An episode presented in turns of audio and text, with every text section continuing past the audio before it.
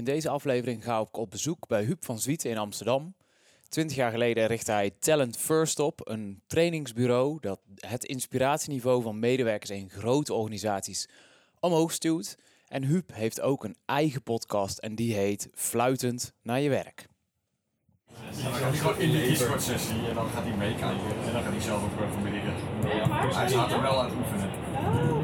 Hij is net begonnen met programmeren. Goedemiddag dames en heren, nog enkele ogenblikken station Amsterdam Centraal. Wij komen hier aan om 15 uur 26 op spoor 8. U kunt hier nog overstappen op de Intercity trein richting Haarlem. Hallo! Tof dat je luistert naar de Gaaf podcast. Mijn naam is Rudy van Beurden en in deze podcast interview ik collega's, sprekers en trainers op het snijvlak van de volgende drie thema's.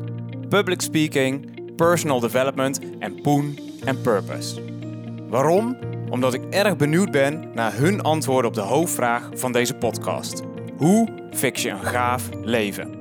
Dus, ben je ook benieuwd naar antwoorden op deze vraag? Of ben je op zoek naar meer energie in je leven en meer helderheid in je hoofd? Zet je dan schrap, want hier komt een volgende aflevering.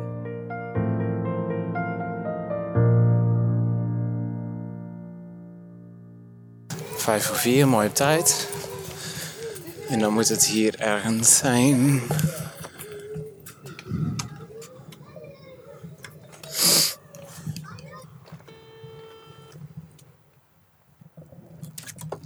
Hallo, goeiedag. Onmiskenbaar, de man met de microfoon. Zo is het.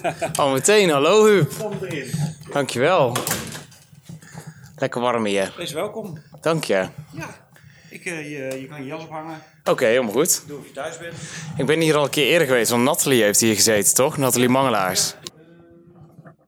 Nou, Rudy, ik weet helemaal niks van jou, dus we gaan een totaal open gesprek. eh, Nou, heel goed. Dat ik even de podcast heb eh, gehoord met eh, Robert en met Jos. Oh ja, ja, ja. Robert heeft me jouw naam Ja, genoemd, ja. precies. Ja.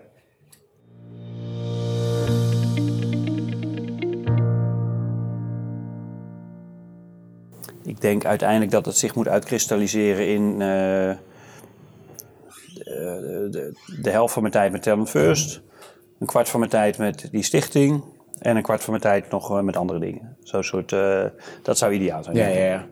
Dus dat is iets wel wat je van tevoren voor jezelf bedenkt en daardoor Nou, wel- niet per se hoor. Maar zo, ik denk dat het niet per se van tevoren bedenken, maar zo zou het er ongeveer eruit moeten komen te zien, denk ik. Ja. Hey, eh, Sander, zijn, ben jij er klaar voor? Ik ben al een tijdje klaar, dus... Oh, oké. Me. Nou, we waren al een tijdje aan het kletsen. B- eh, van Beurzen is je achternaam. Beurden. Beurden. Ja. R-D-E-N op het einde, ja. Ja. Oké. Nou, mensen, ja, we gaan eh, beginnen met een bijzonder format. Want we hebben een soort dubbel, eh, dubbele podcast. Hè? Precies. Een soort stereo, maar dan eh, revisited. Zeg Ja. maar. Dus ik heb jou uitgenodigd voor, eh, om hier te zijn. Dank je wel daarvoor. Eh, en jij nodigde mij uit via Robert Benninga of nou, zoiets. Dus we gaan het gewoon... eh, we gaan een beetje tennissen, een beetje pingpongen op en neer. Ja, Ik zal jou voorstellen, Rudy van Beurden van de Gaaf Podcast. precies. Eh, eigenlijk met het thema van het belangrijkste thema, hoe kun je nou een gaaf leven krijgen? Nou, daar ben ik heel benieuwd naar wat je daar inmiddels over ontdekt hebt Ja, natuurlijk, ja, ja. want dat, wil ik alle, dat willen we allemaal wel. En dat gaat dan over persoonlijke ontwikkeling, ehm, eh, spreken Ja, public speaking. en de derde, Poen, en purpose. poen en purpose, precies. Nou, top. Nou, leuk dat je er bent. Ja, zeker. Ehm, Zal ik dan ook jou nog even voorstellen? nou ja, ik Dat weten doen. veel mensen al wel, maar we gaan de audiotrack dus gebruiken voor fluiten naar je werk. En ook voor de Gaaf podcast. Dus het kan zijn dat mijn luisteraars voor het eerst jou horen. Grote kans. En jouw luisteraars mij voor het eerst zien en horen. Want je Ja. neemt het ook op met camera's, zie ik. Huub van Zwieten, aanstaande januari een mijlpaal. 20 jaar lang Talent First. Ja, Embrace life through work. precies. Dat is nogal eens een eh, slogan. en je doet allerlei dingen in het land. Met mensen, met de podcast ben je een paar maanden geleden gestart. Een paar hele grote namen heb ik al voorbij zien komen. Thijs Lindhout, Ben Tigelaar, Sinterklaas zit er zelfs al Sinterklaas in. zat erbij, ja. Helemaal typisch nu in december. En eh, ja, jij weet van alles over gelukkig werk. Ik heb een Ja. filmpje over je- jou gezien waarin je een auteur aanhaalt. Gekleurde muisjes, grijze muizen en gestampte muisjes. Ja. Ik dacht, nou, dat is nogal wat. Daar kunnen we wel op inzoomen. En daarnaast heb je ook een soort van hobby side project, een stichting voor voedsel. Voor Better World, isn't it?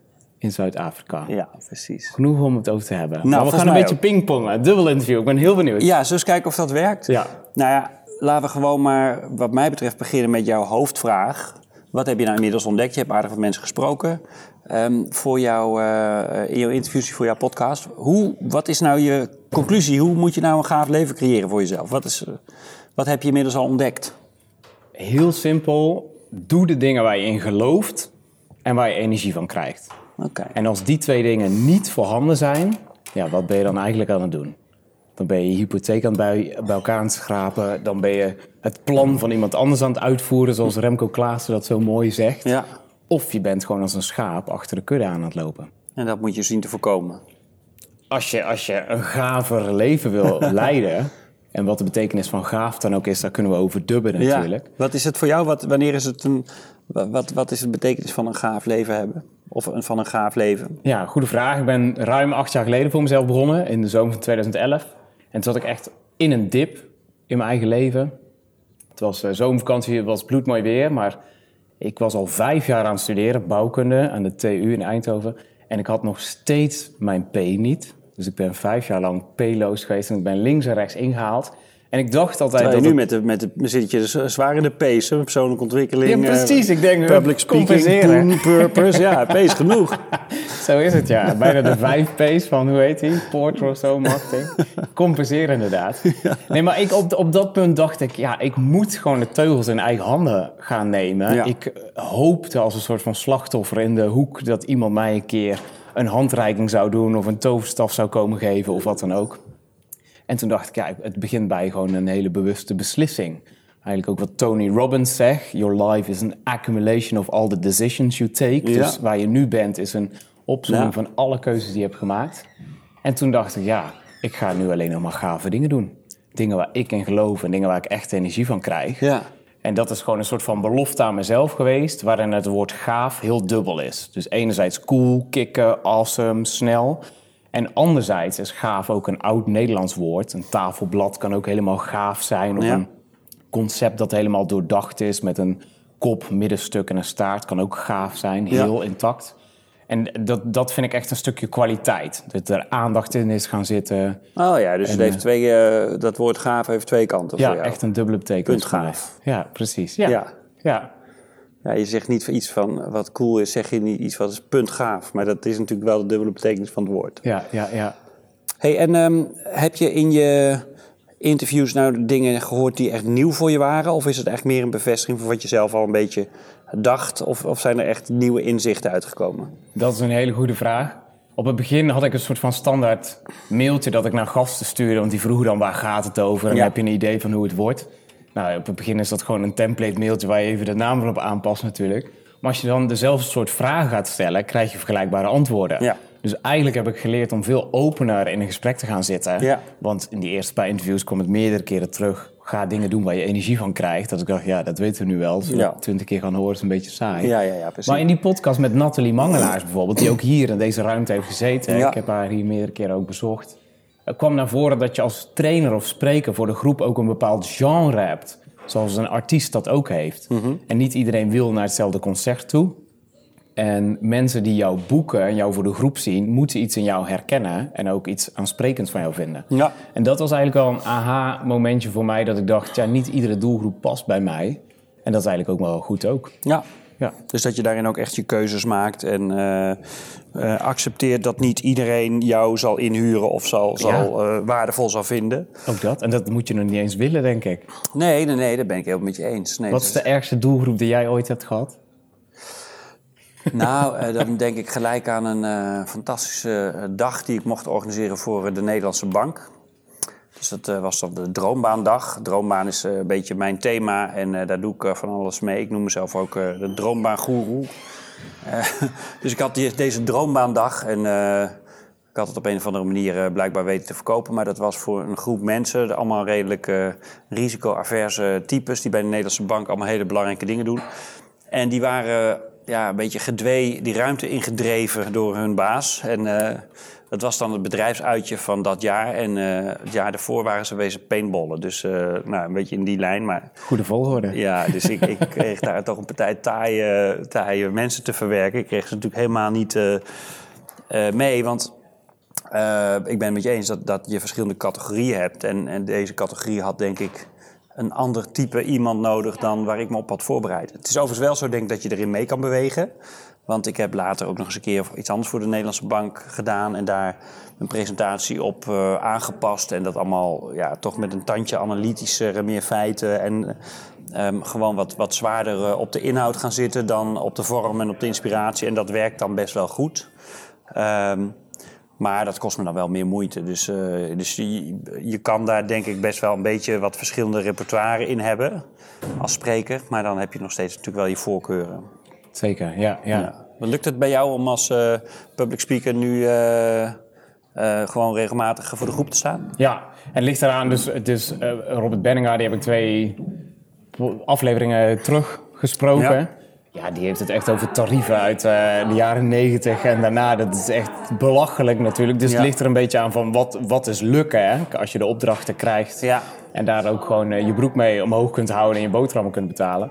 Maar ik wissel het ook af met dagvoorzitterschap en met pitchtrainingen. Ja. Eh, vind ik ook hartstikke leuk om te doen en dat houdt het heel divers. Ja.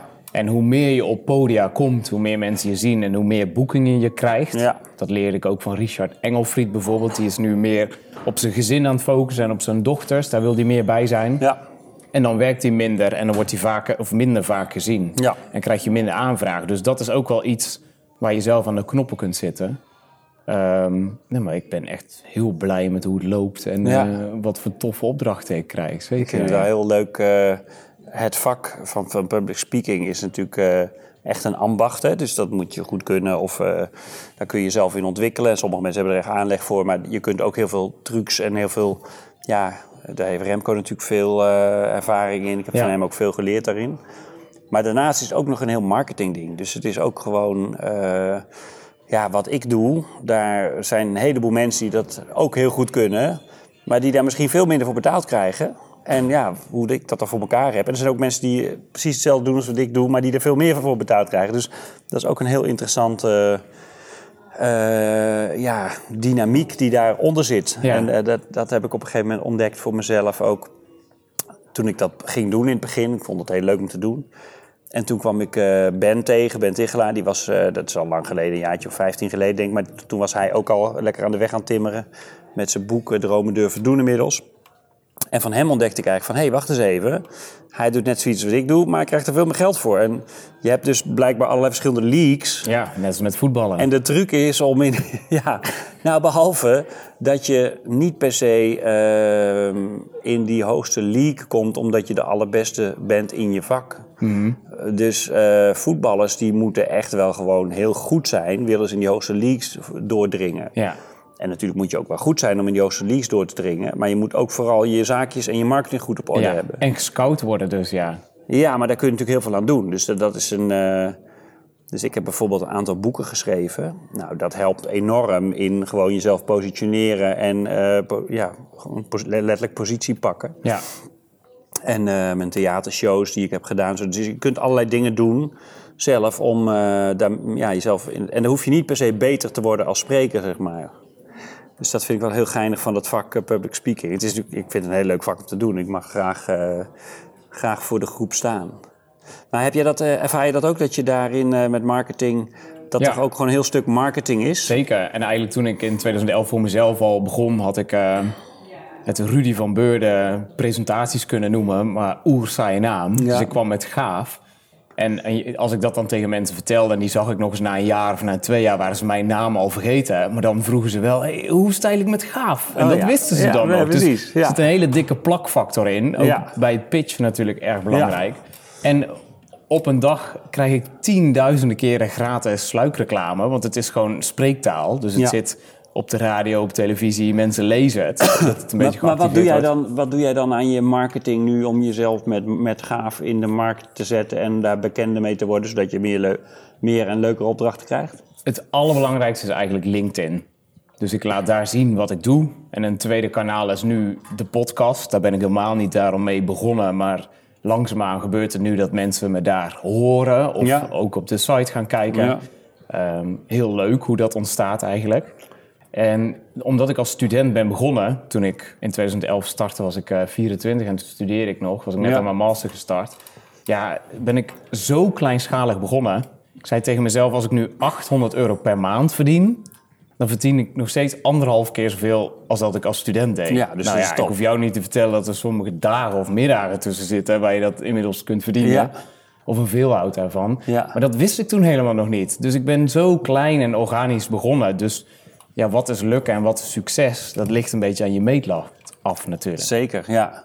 Want die vraag heb ik Ja. ook aan jou. Ik heb kort verteld in 2011 hoe ik gaaf startte. Maar ik ben ook benieuwd hoe jij met Talent First bent gestart. Want jij had al een droombaan voor jezelf gecreëerd. Ja. Als manager voor Randstad Ja. in Italië. Klopt, ja. En je vrouw die vloog bij KLM Italië. Dus jullie hadden de hele Italian lifestyle. Ja. En toch Kon niet beter, zou je denken. kon niet beter. Maar je liep ongelukkig door Rome.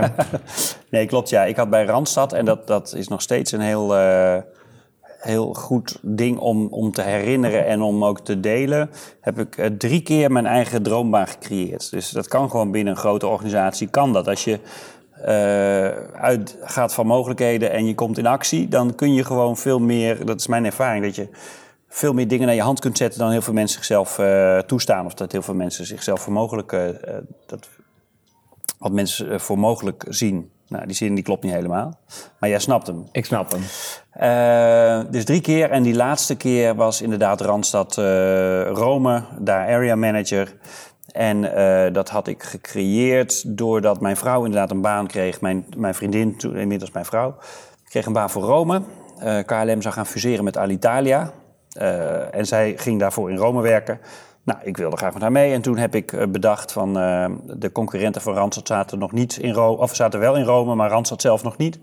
Dus ik heb daar heel quick en dirty onderzoekje gedaan. Wat de markt was en hoe dat eh, allemaal eh, in zijn werk ging. En eigenlijk een rapport geschreven voor het hoofdkantoor. eh, met de conclusie: Randstad, we moeten als de donder naar Rome. En ik weet wel iemand die het kan doen, dat ben Ja, ik. ja, ja, precies. Nou, dat was gelukt, dus dat was heel mooi. Ik had blijkbaar goede ingangen en goede papieren daar op het hoofdkantoor. Alleen ehm, werd ik onder mijn Italiaanse baas geschoven en die zat totaal niet op mij te wachten. Want ja, het was helemaal niet zijn idee dat er al in Rome iets zou gaan gebeuren. Hij zat alleen nog in Noord-Italië. Ehm, dus Randstad zat wel al in Italië, maar niet in Rome. Zat in Milaan, dus 600 kilometer verderop. En daaromheen een aantal vestigingetjes. En eh, dus Rome was voor hem heel onhandig. Bovendien, ik sprak geen enkel woord Italiaans in het begin. Ik kende helemaal niemand in Rome. En ik had ook helemaal geen zin om als interstudent te werken. Dus het was ook totale kansloos eigenlijk. Oké. De man zit nu nog steeds in Rome, dus die heeft twintig jaar later toch echt gelijk gekregen. maar ik ben eigenlijk vrij snel, eh, liep ik in conflict met mijn baas. En, eh, dus liep ik inderdaad zagrijnig door die prachtige stad. En, eh, ja, dus, en, en eh, KLM Alitalia viel ook uit elkaar, want die hele fusie ging niet door. Nee. Dus wij zaten binnen no time inderdaad met die Ita- Italian lifestyle wel met twee keer salaris en een auto en een, een huis. En, maar allebei geen werk meer. Nee, betaald door twee blauwe Nederlandse bedrijven, KLM, Randstad, allebei precies. blauwe logo's. Maar dat eh, hield vrij snel op. En toen, ehm, eh, we hebben daar uiteindelijk ook maar een jaar gezeten. En vanuit, vanuit het idee, eigenlijk was het de ervaring die ik daar deed, eh, die ik daar opdeed, was mijn, mijn Italiaanse baas, die wilde mij eigenlijk echt in een soort mal drukken van wat hij voor zich zag als de ideale persoon. Weet je, Ja, als er ja, dan ja. toch iemand in Rome moest zitten, nou dan moest hij dat, dat, en dat was ik gewoon niet. En wat ik me daar heel sterk realiseerde was van dat er een eindigheid is in hoeverre iemand kneedbaar is. Dus hij kon me met geen mogelijkheid in die mal die hij voor zich zag krijgen. En dat besef dat, dat drong toen tot mij door en daar wilde ik iets mee. Want ik dacht van dit gebeurt veel te vaak. Dat eh, werkgevers mensen in, eh, als een soort stopverf proberen te duwen in de gaten die eh, zijn. Ja, ja. En dat werkt niet. Dus Nee. nou, waar ik mee ben begonnen toen is een omgekeerd werving- en selectiebureau. Dus eh, niet zoeken voor bedrijven naar mensen, maar voor mensen naar bedrijven. Dus jij kwam dan bij mij en we gingen met jou helemaal onderzoeken wie je bent, wat je leuk vindt, hoe je in elkaar zit. En dan gingen we daar de ideale functie bij zoeken. Dus dat was een ideale, ideale propositie eigenlijk.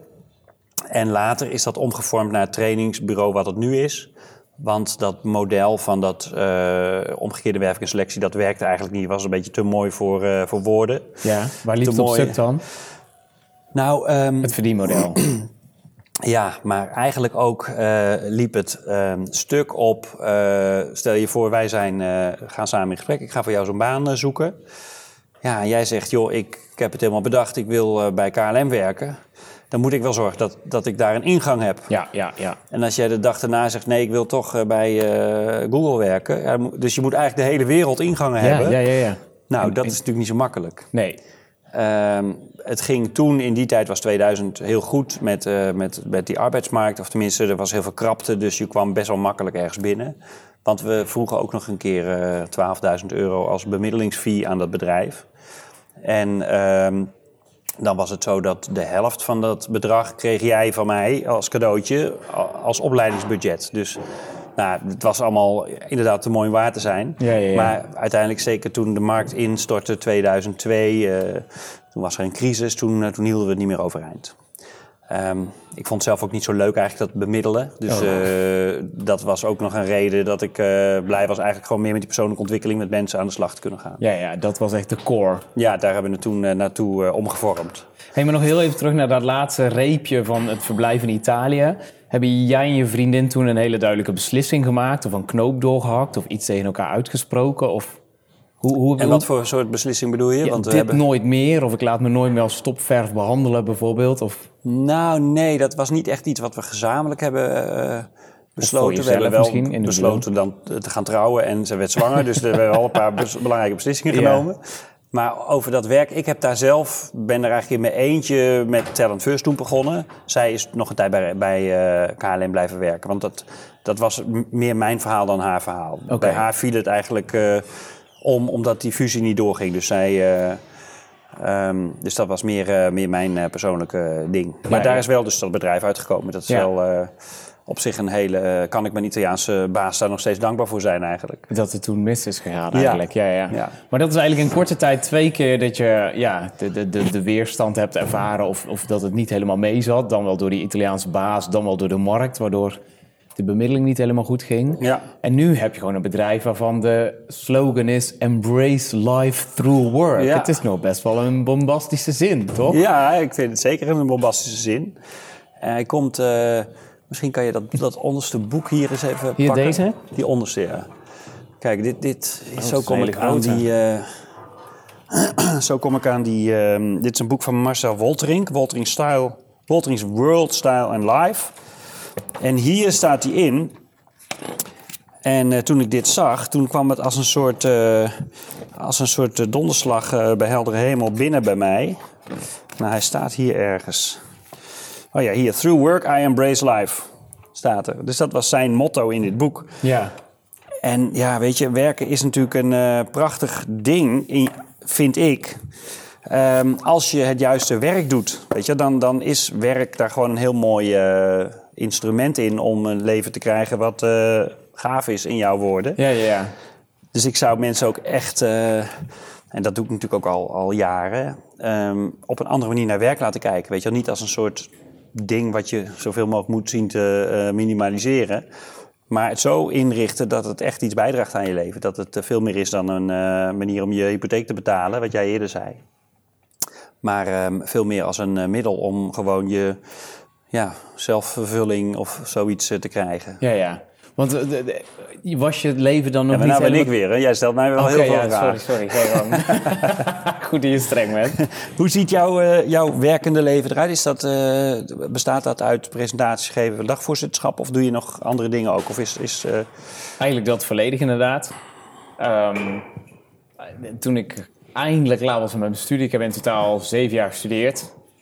Dat was echt Uiteindelijk enorm P gehaald? Of, uh... Mijn P gehaald, mijn bachelor gehaald, mijn master gehaald. Okay. Met een knal afgestudeerd. Mijn afstudeeronderwerp is een productie genomen door Heijmans. Dat is een ja. compacte, verplaatsbare woning voor singles. De Heijmans One. Okay, Eén op één staat er nu een woning daar voor een hoofdkantoor. Ik kwam er vorige week nog langs gereden. Leuk. Bij het hoofdkantoor in Rosmalen bij Den Bosch.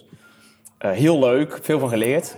Maar ik liep er tegenaan dat... Uh, bouwprojecten me gewoon veel te lang duren. Toevallig had ik vanochtend een intakegesprek voor een nieuwe opdracht bij een architectenbureau in Den Bosch. Mm -hmm. En zij hebben heel lang aan een eh, groot project gewerkt. Zijn ze wel zes jaar mee bezig geweest, denk ik. Superleuk als ik dat allemaal hoor, maar dat past helemaal niet bij mijn aandachtspannen. Bij mij moet het snel, snel gaan. Dus als antwoord op jouw vraag, ik ben toen echt mijn werkweek gaan beschouwen. Eigenlijk ook zeven dagen per week als één groot blank, blanco canvas. Ja. En al dat wat binnenkwam, wat in het begin echt mondjesmaat was. Hier een klusje voor de bibliotheek, daar een groepje vrijwilligers aansturen, dan eh, nou, van alles. Dit, dat laat ik gewoon toe. En dan Ja. voel ik gewoon eh, of het oké is of niet. In plaats van, eh, ik moet standaard een baan hebben van minstens 40 uur per week. En het voordeel is dat ik altijd heb gewerkt. Mijn ouders zijn allebei zelfstandigen. Die hebben altijd gewerkt. Ik was 11 toen ik mijn eerste bijbaantje had. Leuk. Veel gespaard. En dat maakte ook dat ik ook tijdens mijn studie heb gewerkt... en daar ook een spaarcentje over had. Ja. Zodat ik ook gewoon een jaar kon freewheelen en dingen kon Ja, uitproberen. mooi. Ja. Dus ik had al voor mijn studie een gap year genomen. Toen was ik backpacker in Australië. Maar eigenlijk ook na mijn studie heb ik zo'n gap year genomen... om gewoon te onderzoeken, werkt gaaf, lukt het... Want ja, als je een voltijd baan hebt en je krijgt een aanvraag voor halverwege op de middag... en je moet altijd nee, nee, nee zeggen omdat je al voor een werkgever op pad moet... Ja. Dan kun je je eigen business nooit uitbouwen Nee. natuurlijk. Dus eh, nu is het veel drukker. Soms heb ik wel twee of drie opdrachten op een dag. Dat is al erg vol natuurlijk. Rennen en vliegen. Heb je een beetje een beeld van waar je naartoe wil? Wat, eh, wat voor jou een eh, gaaf leven is over een eh, jaartje of eh, drie? Ja, dat is een goede vraag. Hoe oud ben je? 32. Ehm, eigenlijk gaat het allemaal al sneller dan dat ik dacht. En ben ik heel blij en content met hoe het nu gaat. En eh, verdien ik helemaal prima. Krijg ik heel veel waardering van mensen die, die me hebben gezien of die eh, me volgen. Hartstikke leuk om te Ja. doen. En ik vraag dat heel vaak aan andere mensen die een beetje stuk zitten. Maar ehm, ik heb ooit geprobeerd om op te schalen met een stagiair en een, eh, en een, ehm, een medewerker, een assistent. Daar kreeg ik heel veel hoofdpijn en buikpijn van. Andere mensen aansturen eerder dan hen op kantoor moet zijn. Allemaal remmende overtuigingen. en ik kwam erachter dat als je meer mensen op de loonlijst hebt staan... dan moet je gewoon twee keer zoveel omzet maken... om gewoon praktisch hetzelfde over te houden. Dus ik was me heel erg druk aan het maken... en ik was helemaal weg aan het dobberen van mijn kernkwaliteit. Wat gewoon op het podium is, snel schakelen, improviseren... connectie maken, Ja. de energie omhoog stuwen, Ja. positieve energie erin. En dat deed ik eigenlijk steeds minder... En toen dacht ik, ik ga alles weer terugdraaien. Ik Ja. ga gewoon lekker door als één pitter. Doet mijn vader ook met zijn loodgietersbedrijf. Hij heeft altijd gezegd, het is moeilijker om klein te blijven dan om groot te groeien. Nou, toen begreep ik dat eigenlijk niet. Maar nu, een paar jaar geleden, heb ik het ontdekt en Ja. weet ik waarom hij dat zegt. Ja. En eigenlijk ook rust en tijd hebben om dit te kunnen doen. Gewoon met mensen in gesprek te kunnen gaan.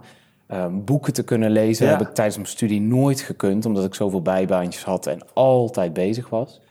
Dus ehm, fit zijn. Ik ben na de zomer gestart met bootcampen buiten. Na twee jaar lang niks meer gedaan te hebben.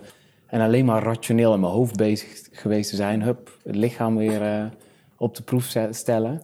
En wat van de mensen die je nou hebt gesproken, wat zijn nou een paar dingen die je hebt gezien die mensen hebben in hun leven? Want het zijn eh, ja, volgens mij aardig wat mensen die al wat langer bezig zijn dan jij zelf. hè? Ook, ja. Eh, maar wat, heb, kun je een paar dingen noemen die je zag bij andere mensen waarvan je zegt van hé, hey, dat geschaafd, dat wil ik ook uiteindelijk eh, creëren of dat wil ik, eh, dat, dat spreekt me aan. Of, Ja. Nou ja, eh, ehm, veel verschillende personen. Ik, ik, ik heb ook mensen die tien jaar jonger dan mij zijn gesproken. Beginnende trainers en sprekers. Gewoon het geloof dat het kan. En ook gewoon de drive om dat te gaan bewijzen aan al die nee-schudders. Ja. En aan die droeftoeters die denken dat het niet kan. Een uitspraak van Jan van Zetten natuurlijk. Je een bruistabletje of een droeftoeter. Maar ook de ontzettende mogelijkheid... eh, als je met Remco Klaassen spreekt of zo. Hoe groot en bombastisch hij durft te zijn. En ik ben het zeker niet altijd eens met de uitspraken die hij doet. En hij kan heel seksistisch zijn en heel grof. Maar hij neemt wel een positie in. Dus het plekje in de wei van Jos Burgers, die ik dan ook heb gesproken... Ja, die is er eigenlijk voor iedereen. En Remco Klaassen, die doet het gewoon zo ontzettend goed. Die heeft volgens mij twee Bentleys in de garage staan. Ja, dat is on-Nederlands groot natuurlijk. Maar het kan gewoon wel. En Ja. dat past heel erg bij zijn persona. Hij vroeg Ja. zich af waarom de headset niet in het goud was. Want hij houdt helemaal van bling bling, zegt hij ook op de, op de band. Ehm, ja, en ik ben wel ontzettende autogek. Maar nou per se twee Bentleys te hebben is wel een beetje heel erg maar overdreven. wat sprak je dan toch aan van hem? Of wat, of, eh, Ja, de je- grootheid en gewoon je uitspreken, dit ben ik, hier sta ik Ja. voor. En dat er dan uiteindelijk wel een doelgroep ook op je afkomt. Maar dus, dus vooral het uitgesprokene ervan. Dus Ja, niet dat. precies, misschien niet het, het grootste, maar meer het uitgesprokene. Bedoel je dat? Is dat En dat je eigenlijk ook zelf de spelregels wel bepaalt. Ja. Want de vraag die ik had toen jij zei... heel veel mensen weten niet dat je je eigen droombaan kunt creëren Nee. in een organisatie. En jij zegt dat je het drie keer hebt gedaan. Ja. Mijn vraag is dan meteen... wat heb jij gedaan wat al die andere mensen niet doen? Of wat dacht jij wat al die andere mensen niet doen? Wat zou jouw antwoord zijn? Ehm, ja, eh, toch wel in mogelijkheden denken. Eh, dat is ook wel iets wat ik heel tof vind. Dus ik ben ook wel. Eh, ehm, ik vind uitdagingen ook wel leuk om aan te pakken. Ik had toevallig eh, vorige week nog eh, twee dagen waarin ik helemaal in flow zat. omdat ik met iets bezig was wat eigenlijk totaal niet kon. En het begon toch te lukken. Weet je, nou, dat vind ik echt super leuk. Ehm, en dus dat, dat vind ik wel. ehm, ja, en even denken hoor. Ik haal even die. Het was drie keer. Dus ik heb één keer. eh, eh, was ik accountmanager. Dus toen werkte ik bij Randstad gewoon op een vestiging of op een districtkantoor. En toen was ik accountmanager en toen had ik een idee om. eh, niet, dus ik was accountmanager nieuw business. Nou, die, die term had ik volgens mij zelf bedacht. Ehm, het idee was, we, we zitten hier in Amsterdam. Ik werkte ook in Amsterdam en daar komen veel nieuwe bedrijven. En ik dacht van, joh, als we nou in plaats van dat we naar allemaal bedrijven gaan die hier zitten, waar de concurrent zit. Ja, dat is taai, want dan moet je die concurrenten weer uit proberen te werken. is allemaal lastig natuurlijk. Laten we nou eens naar bedrijven gaan die hier van plan zijn zich te gaan vestigen. Dus dan zorgen we dat we als eerste eh, met die bedrijven in contact zijn. Zodat op het moment dat ze zich hier gaan vestigen, dat wij als eerste eigenlijk eh, vooraan staan. Ja.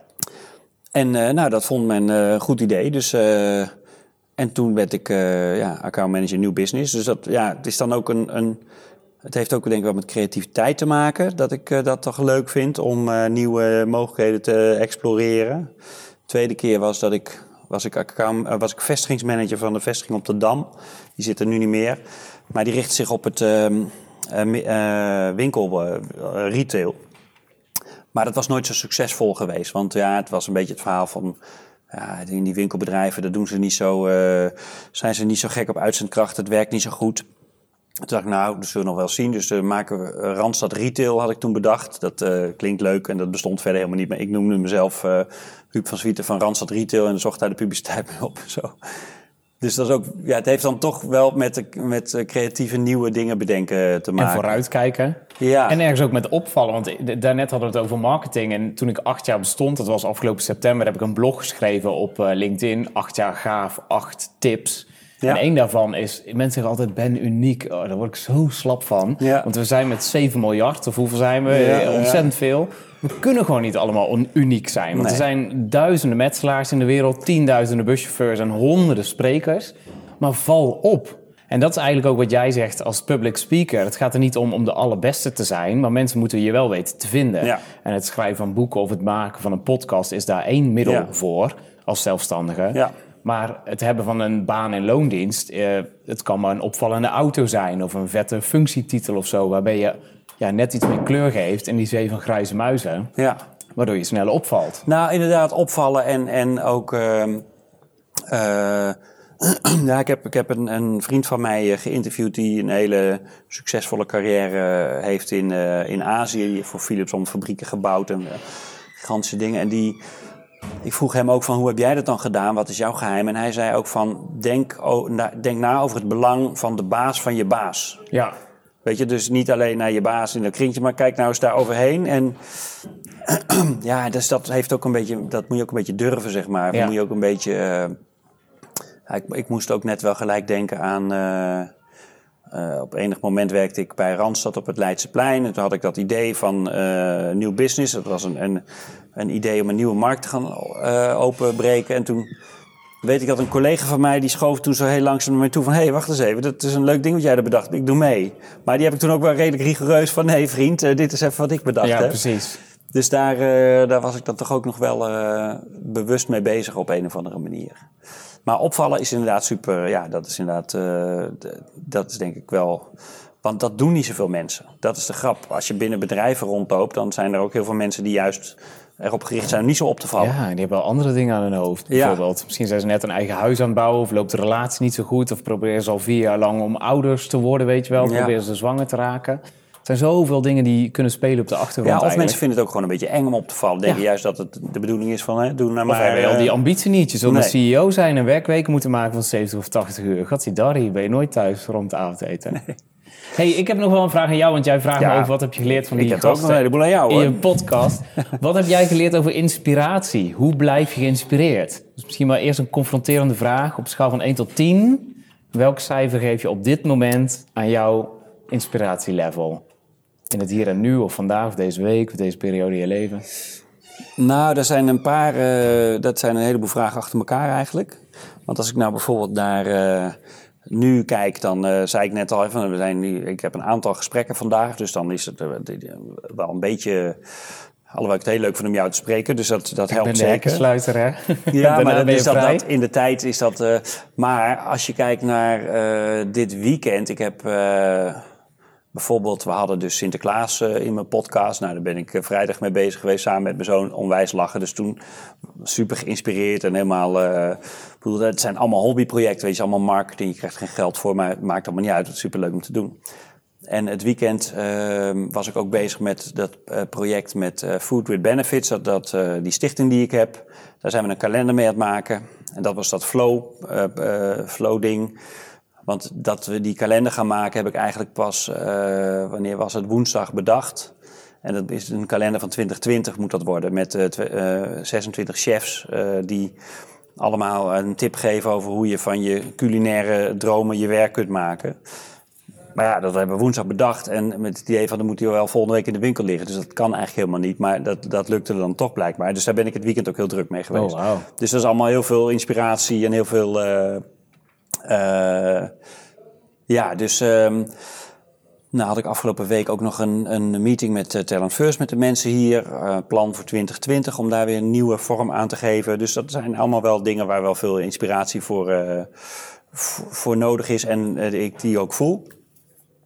Dus ik ben daar eigenlijk best wel heel tevreden over. En, eh, maar wat wel grappig is, daar moest ik net aan denken, dat eh, je kunt. ehm, creativiteit is voor mij wel een belangrijk ding. Ik vind creativiteit heel. Ik vind het fijn om creatief te zijn. En creatief ook eh, te zijn door ehm, eh, ja, mogelijkheden te benutten en van niets iets te maken. Weet je wel, dat soort creativiteit. Maar dat kun je natuurlijk ook heel goed in marketing kwijt. Dus dat, dat is. Ja, dat heb ik ook eigenlijk pas een tijdje geleden me goed beseft. Dat je voor creativiteit. Ik heb dan een trainingsbedrijf. Creativiteit betekent niet de hele tijd nieuwe trainingen bedenken of nieuwe programma's of nieuwe. Als ik mijn lezingen bekijk, die doe ik eigenlijk best wel gewoon heel eh, veel hetzelfde. Dat is eigenlijk al jarenlang eh, heel veel vergelijkbare dingen die ik daarin vertel. Maar in mijn marketing, bijvoorbeeld zo'n Sinterklaas-ding en een, een gratis programma aanbieden, ja, daar kun je hartstikke veel creativiteit in kwijt. Dus dat, dat is voor mij wel het antwoord op jouw vraag. Hoe hou je die inspiratie hoog? Door die creativiteit continu weer op een nieuwe manier aan, eh aan te wenden. andere dingen doen. Ja. Misschien ook een project erbij te hebben wat niet per se op geld verdienen geënt is. Ja. Dat valt me op nu jij het over je stichting hebt. Daar praat je met heel veel Ja. lol over eigenlijk ook. En Ja. soms denk ik ook, ik ben begonnen als vrijwilliger. Dan doe je het gewoon puur uit passie. En je verwacht toch al geen salaris of eh Nee, dat is ook wel lekker, ja. Dat je dan gewoon, eh, want, want dat maakt eigenlijk ook niet uit. Maar goed, natuurlijk, als je geen geld hebt, of, eh, dan, dan is het wel belangrijk om dat op een goede manier te regelen. Ja. De basis moet je wel op orde hebben om ook daarin heel gul te kunnen zijn en, en heel veel vrijwilligerswerk te kunnen doen natuurlijk. Zou je voorstander zijn van zo'n basisinkomen? Op het eh, iedere Nederlander gewoon 2000 Ja, euro. ik heb me er eigenlijk nooit echt voldoende in verdiept om eh, te weten wat ik er nou precies van vind. Ik heb wel een hoop eh, mensen die ik hoog aanschrijf, die zijn er heel enthousiast over. Dus dan ben ik ook wel geneigd dat te zijn. Maar ik heb dat nooit echt goed, eh, goed bedacht of me er echt goed in verdiept wat dat voor dynamiek zou... eh. Kijk, ik vind het ook leuk om... eh, het is denk ik ook goed als er wel een soort mechanisme is dat je beloond wordt voor iets wat waarde heeft. Ja, En hoe weet je of iets van, van waarde is als mensen je ervoor willen betalen? Dus dat, dat, als, als je dat helemaal weghaalt, dan, ehm, ja, dan, dan mis je misschien ook weer. eh, klopt. Misschien moet ik daar gewoon een keer voor terugkomen. Dan kun je in een tussentijdje op inlezen. Want Ja. het is nu al helemaal scheef waar we ontzettend veel waarde aan hangen. Een topbankier versus een verpleegkundige. En je kunt je gewoon afvragen wie biedt dan het meeste waarde. Ja. Of een moeder die thuis blijft om maar liefst vier kinderen op te voeden. Ja. Ja. wie biedt er meer waarde? Dus het is eigenlijk al scheef hoe het nu in het marktdenken nu zit. Maar dat uh, misschien een beetje af van de koers waar we mee bezig zijn. daar ga ik me eens even in verdiepen. Ja, leuk. Want even terug naar wat jij net zei. Eh, jij noemde LinkedIn hè, als, als jouw... Uh, het gaat alle kanten op. ja, ja. Um, jij noemt LinkedIn als jouw belangrijkste kanaal waar je dan het meeste mee doet. Maar wat, wat, hoe zet je dat in dan? Wat, uh... Gewoon een update van nu ben ik hier en hier. Of ik ben nu benaderd door een scholier van 16, 17 is hij inmiddels. C3, daar heb ik een masterclass voor gegeven op zijn school voor de mhm. zomer. En hij zei, Rudy, ik vind het zo tof wat jij doet, mag ik een keer mee? Ik zei, ja, tuurlijk. Uh, ik heb binnenkort iets voor het jongerenwerk bij de gemeente Den Bosch, ga maar mee. Nou, dat was daar een tussenprogramma toen een jury in gesprek moest gaan. Dat was een blokje van een kwartier en dan hadden ze mij gevraagd, kun je dan iets vertellen over dit, dit en dit? En toen dacht ik de plek op die dag, ja doe je, dat ga ik niet doen. Dat ga ik gewoon uh, C3 laten doen. dus ik heb hem in de koffiepauze verteld, ja niet om het een of het ander, maar daar hebben we een blokje van vier tot kwart over vier. En ik ga er niet staan, maar jij krijgt van mij een microfoon en de klikker en mijn laptop wat je wil. Oh, en uh, laat maar wat zien. Cool.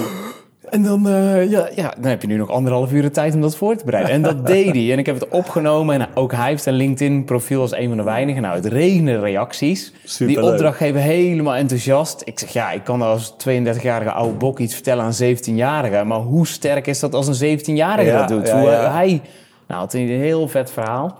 En laatst heeft hij me opnieuw benaderd. En toen zei hij, ik heb een plan, want het schijnt dat driekwart van de jongeren spreekangst ervaart... voor het geven van een spreekbeurt op school. En ik vind dat we ze daarvan af moeten helpen. Ja. Toen zei ik, nou ja, ik ga jou gewoon uh, figuurlijk adopteren. En dit gaan we doen, want ik ben het daar helemaal mee eens. Ik vind echt uit de grond van mijn hart dat de jongere generatie een stem moet krijgen om te vertellen wat ze willen. Het kan niet zo zijn dat 50ers en 60ers beslissen over het vormen van de wereld dat die met alle respect nog 20, 30 jaar rondhobbelen. Ja. Maar die jongeren die het echt aangaat, die 70 of 80 jaar lang rond blijven lopen, omdat we allemaal 100 gaan worden, ja. ja, die moeten toch zeker zeggenschap hebben. En ik heb echt ontdekt dat een van de sterkste instrumenten die je hebt, is gewoon je eigen spraak. Als je ook nog meerdere talen spreekt, dan kom je nog veel verder. Um, en ik wil dat gewoon samen met C3 in masterclasses in scholen brengen. Ja. Superleuk om te doen. Dus dat is wel een heel concreet voorbeeld wat LinkedIn kan doen en wat de reacties daarop zijn. En dan zit ik met hem samen en dan hebben we twee uur een werksessie. En dan hebben we de werktitel 1, 2, hoppakee. En dan knallen we dan een update, hij op Instagram en ik op LinkedIn. Ja. En voor je het weet heb je 55 reacties. Is het bericht 4000 keer bekeken. Ja. En zeggen de mensen, nou, we hebben ook wel interesse, kom maar eens een keer langs. Lachen, ja. LinkedIn is echt een heel actief eh, medium ook. Hè. Er wordt echt uh, heel, uh, heel veel op gekeken. Het is misschien wel veel uh, relevanter dan Facebook voor zakelijke dingen. Facebook ben ik helemaal mee gestopt. Heb ik er afgegooid, alles. Twitter heb ik niet. Echt minder en minder en minder. Ik kan die kanalen toch niet allemaal bijhouden. Nee, precies. Je wordt ik er, er helemaal moe van. Ja. Instagram doe ik ook heel weinig mee eigenlijk. Vind ik oh, echt zo vluchtig en vermoeiend. Dus ja, nou, de podcast leuk, leuk en LinkedIn, dat is overzichtelijk. En ik moet alles in mijn uppie doen. Dus ik wil, hoeveel personen zijn jullie bij Talent First? Nou, we zijn met uh, iets meer dan 40 mensen, maar niemand is in loondienst. Alleen Anoushka is in loondienst en ik.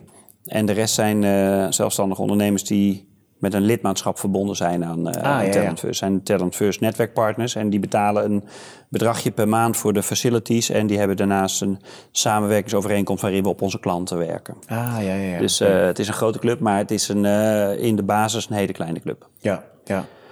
Dus dat is lekker lean en mean, zeg maar. Ja, ja. Ja. Hey, en als jij verder zou kijken, want je had uh, eerder in deze stoel Sinterklaas zitten. Dan begon je al heel voorzichtig over kerstman, maar toen begon hij een beetje te stijgen. Want daar houdt niet van natuurlijk, zijn concurrentie. Maar als we nog verder vooruit kijken, hè, dan is het oud en nieuw in 2020, ja. 2025, 2030. Wat staat er voor jou allemaal op stapel? Wat wil je Nou, ik heb heel veel zin om, om 2020 uh, heel erg op sales uh, te gaan richten met, mijn, uh, met de club mensen van Talent First. Want dat is eigenlijk altijd een beetje onderschoven kindje geweest. En eigenlijk is het heel jammer, want als je dat niet goed doet, dan kom je dus op veel minder plekken en dan kun je veel min, men, minder mensen bereiken en kun je veel minder business uh, creëren. Dus um, voor mij staat 2020 echt in het teken van sales. En sales betekent dan eigenlijk heel simpel, weet je wel, wij doen grote talentenprogramma's voor bedrijven. Dus uh, een groot programma is als we 100 man van een bepaald bedrijf een jaar lang begeleiden. Weet je, dat soort dingen. Dat doen we en dat, dat is leuk. Nou, daar willen we natuurlijk nog wel een paar meer van.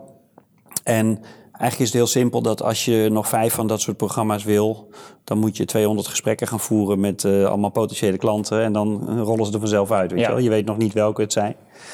Nou, dat gaan organiseren, dat samen met de mensen hier uh, gaan opzetten. En uh, zorgen dat je bij de juiste partijen wordt uitgenodigd. En dat is dan sales, maar er hoort natuurlijk ook een heleboel marketing bij. Weet je wel? Dus dan wil je ook gewoon reuring gaan maken en zorgen dat je op een leuke manier op de kaart staat met z'n allen. Dat eh, wordt voor mij eh 2020 wat Talent First eh, betreft. En dan heb ik mijn eh, stichting eh, Food with Benefits. Dat ga ik lekker uitbouwen met eh, ja, allerlei culinaire activiteiten. Allerlei eh, linkjes met chefs, eh, masterclasses, eh, reizen. Alles rondom koken en eh, lekker eten. Dus eh, bring it on zou ik zeggen. Ik ben er klaar voor. Leuk, leuk. Tof. En jij, 2020, waar staat er voor Ja, jou? goede eh? vraag. Ik zat al te denken, ik kan hem natuurlijk terugverwachten. Ja, nee, tuurlijk. Ehm, nou, enerzijds misschien... Eigenlijk gaat het dus al heel goed met opdrachten. Misschien dat nog meer bundelen, in pocket van... wat ik jou heel sterk hoor zeggen. Zoveel uur dit, zoveel uur dat. Dat zet me ook wel aan het denken. Daar een overzicht van maken, Ja. misschien in de kerstvakantie. Een tweede pijler is Spaans. We zijn heel vaak in Spanje, mijn vriend en ik. Oké, leuk. spreekt een heel klein beetje, maar ik zou het gewoon echt... Het zou zo tof zijn om op den duur misschien ook gewoon in Spaans dingen te kunnen doen. Ja. Ik, doe al veel programma's Is in hij het Spaans Engels. of, eh? Nee, nee, nee, hij is ook Nederlander. Maar we zijn daar gewoon graag, ook vanwege het klimaat en de mensen en eh, gewoon de winterblues eh Waar voorkomen. zit je dan? Waar eh, ga je? Rondom Alicante. Oh, lekker. Ja, ja, heel lekker inderdaad, zo'n microklimaat daar. En dan vlieg je zo naartoe. Wij Ja. wonen vlak bij de luchthaven in Eindhoven, dus het gaat heel vlot. Ehm, en ik heb ook nog een oude antieke Volkswagen Kever. Joep de Kever. Mensen die hem al lang volgen, die weten het. Die heb ik tijdens mijn studententijd gekocht. En heb ik jarenlang in rondgereden met zo'n big smile. Maar op een gegeven moment werd hij zo gevaarlijk dat ik hem heb moeten schorsen. En die staat nog ergens in de opslag, want we hebben nog steeds geen eigen garage. Dus ik hoop ooit een woning te vinden met een garage. Want Ja. dan zou ik dat ding helemaal willen opknappen. Oh, cool. Maar de huizenprijzen zijn een beetje ontploft nu Ja. overal. En ook vooral in Eindhoven en omgeving. Dus eh, dat staat eigenlijk ook nog wel... eh, ja, gewoon lekker bezig blijven. Ja, ja. Klinkt goed, man. Zullen we, zullen we het hier eens bij laten? Volgens mij zijn we al bijna een uur eh, aan Klopt, het zeker. babbelen. En die arme mensen die er aan luisteren zijn, die hebben wel, wel wat beters te doen. Ja. Dus, Als we nog meer van jou willen horen of zien, waar kunnen ze terecht? nou, talentfirst.nl of huubvanswieten.nl. Top. Jij, waar vinden we jou? Op www.gaaf.eu. .nl was te duur, die stond voor 24.000 euro te koop. Dat Oh, was ja. iets te gortig, acht jaar geleden. en anders via LinkedIn uiteraard, Rudy van Beurden. En Rudy met een Y. En wie had dat gaaf.nl? Was dat gewoon een, een of andere eh domeinnamenhandelaar? Ja, of, klopt eh, ja. Die werd niet eens gebruikt. En toen heb ik van die zeurende mailtjes gestuurd van... jou toen nou, weet je, iemand wil er iets leuks mee doen. En toen dacht ik, ja, dan moet het naar EU... en dan moet ik af en toe maar over de grens gaan werken. En dan Ja, precies. maak ik de URL ook weer waar. Dus ja, dan maar zo. Dankjewel. man. Dankjewel, man. Leuk je te Bedankt. ontmoeten. Zeker leuk, Leuk, ja. eh, leuk format, zo zo'n pingpong eh Vind ik ook. podcast. Ja, houd je scherp. Dankjewel. Bedankt. Hoi. Hey jij daar, zit je met een vraag of heb je een suggestie voor hoe deze podcast nog gaver kan worden? Of misschien ken je wel iemand die ik echt, echt, echt moet interviewen? Stuur me dan een mailtje via podcast.gaaf.eu. Zo, weer terug in de trein, terug naar het zuiden, naar Brabant. Het woord dat deze hele aflevering nog niet voor is gekomen. Dat was een heel fijne duo-gesprek met Huub. Ik eh, ga de bestanden krijgen van zijn editor. Het is ook nog gefilmd, dus mensen kunnen het ook nog op beeld terugzien.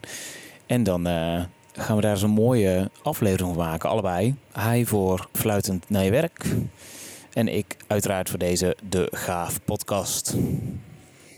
En uiteraard, wat ik al zei, mocht je nog een tip hebben, e-mail me of stuur me simpelweg een berichtje via LinkedIn. Kan allemaal. En ja, echt heel gaaf dat je luistert. Misschien vind je het ook leuk om de podcast te raten. Dat kan onder andere op eh, Apple Podcast. Kun je een recensie achterlaten of een aantal sterren. Het liefst vijf natuurlijk. Zou ik heel blij mee zijn. Want dat helpt ook dat andere mensen hem gemakkelijker vinden. Dankjewel. Dames en heren, goedenavond. Plus minus vier minuten later als gepland komen we dadelijk aan op Eindhoven en we komen binnen op spoor 3. Vijf minuten over acht vertrekt van spoor 1, de Sprinter Helmond Deurne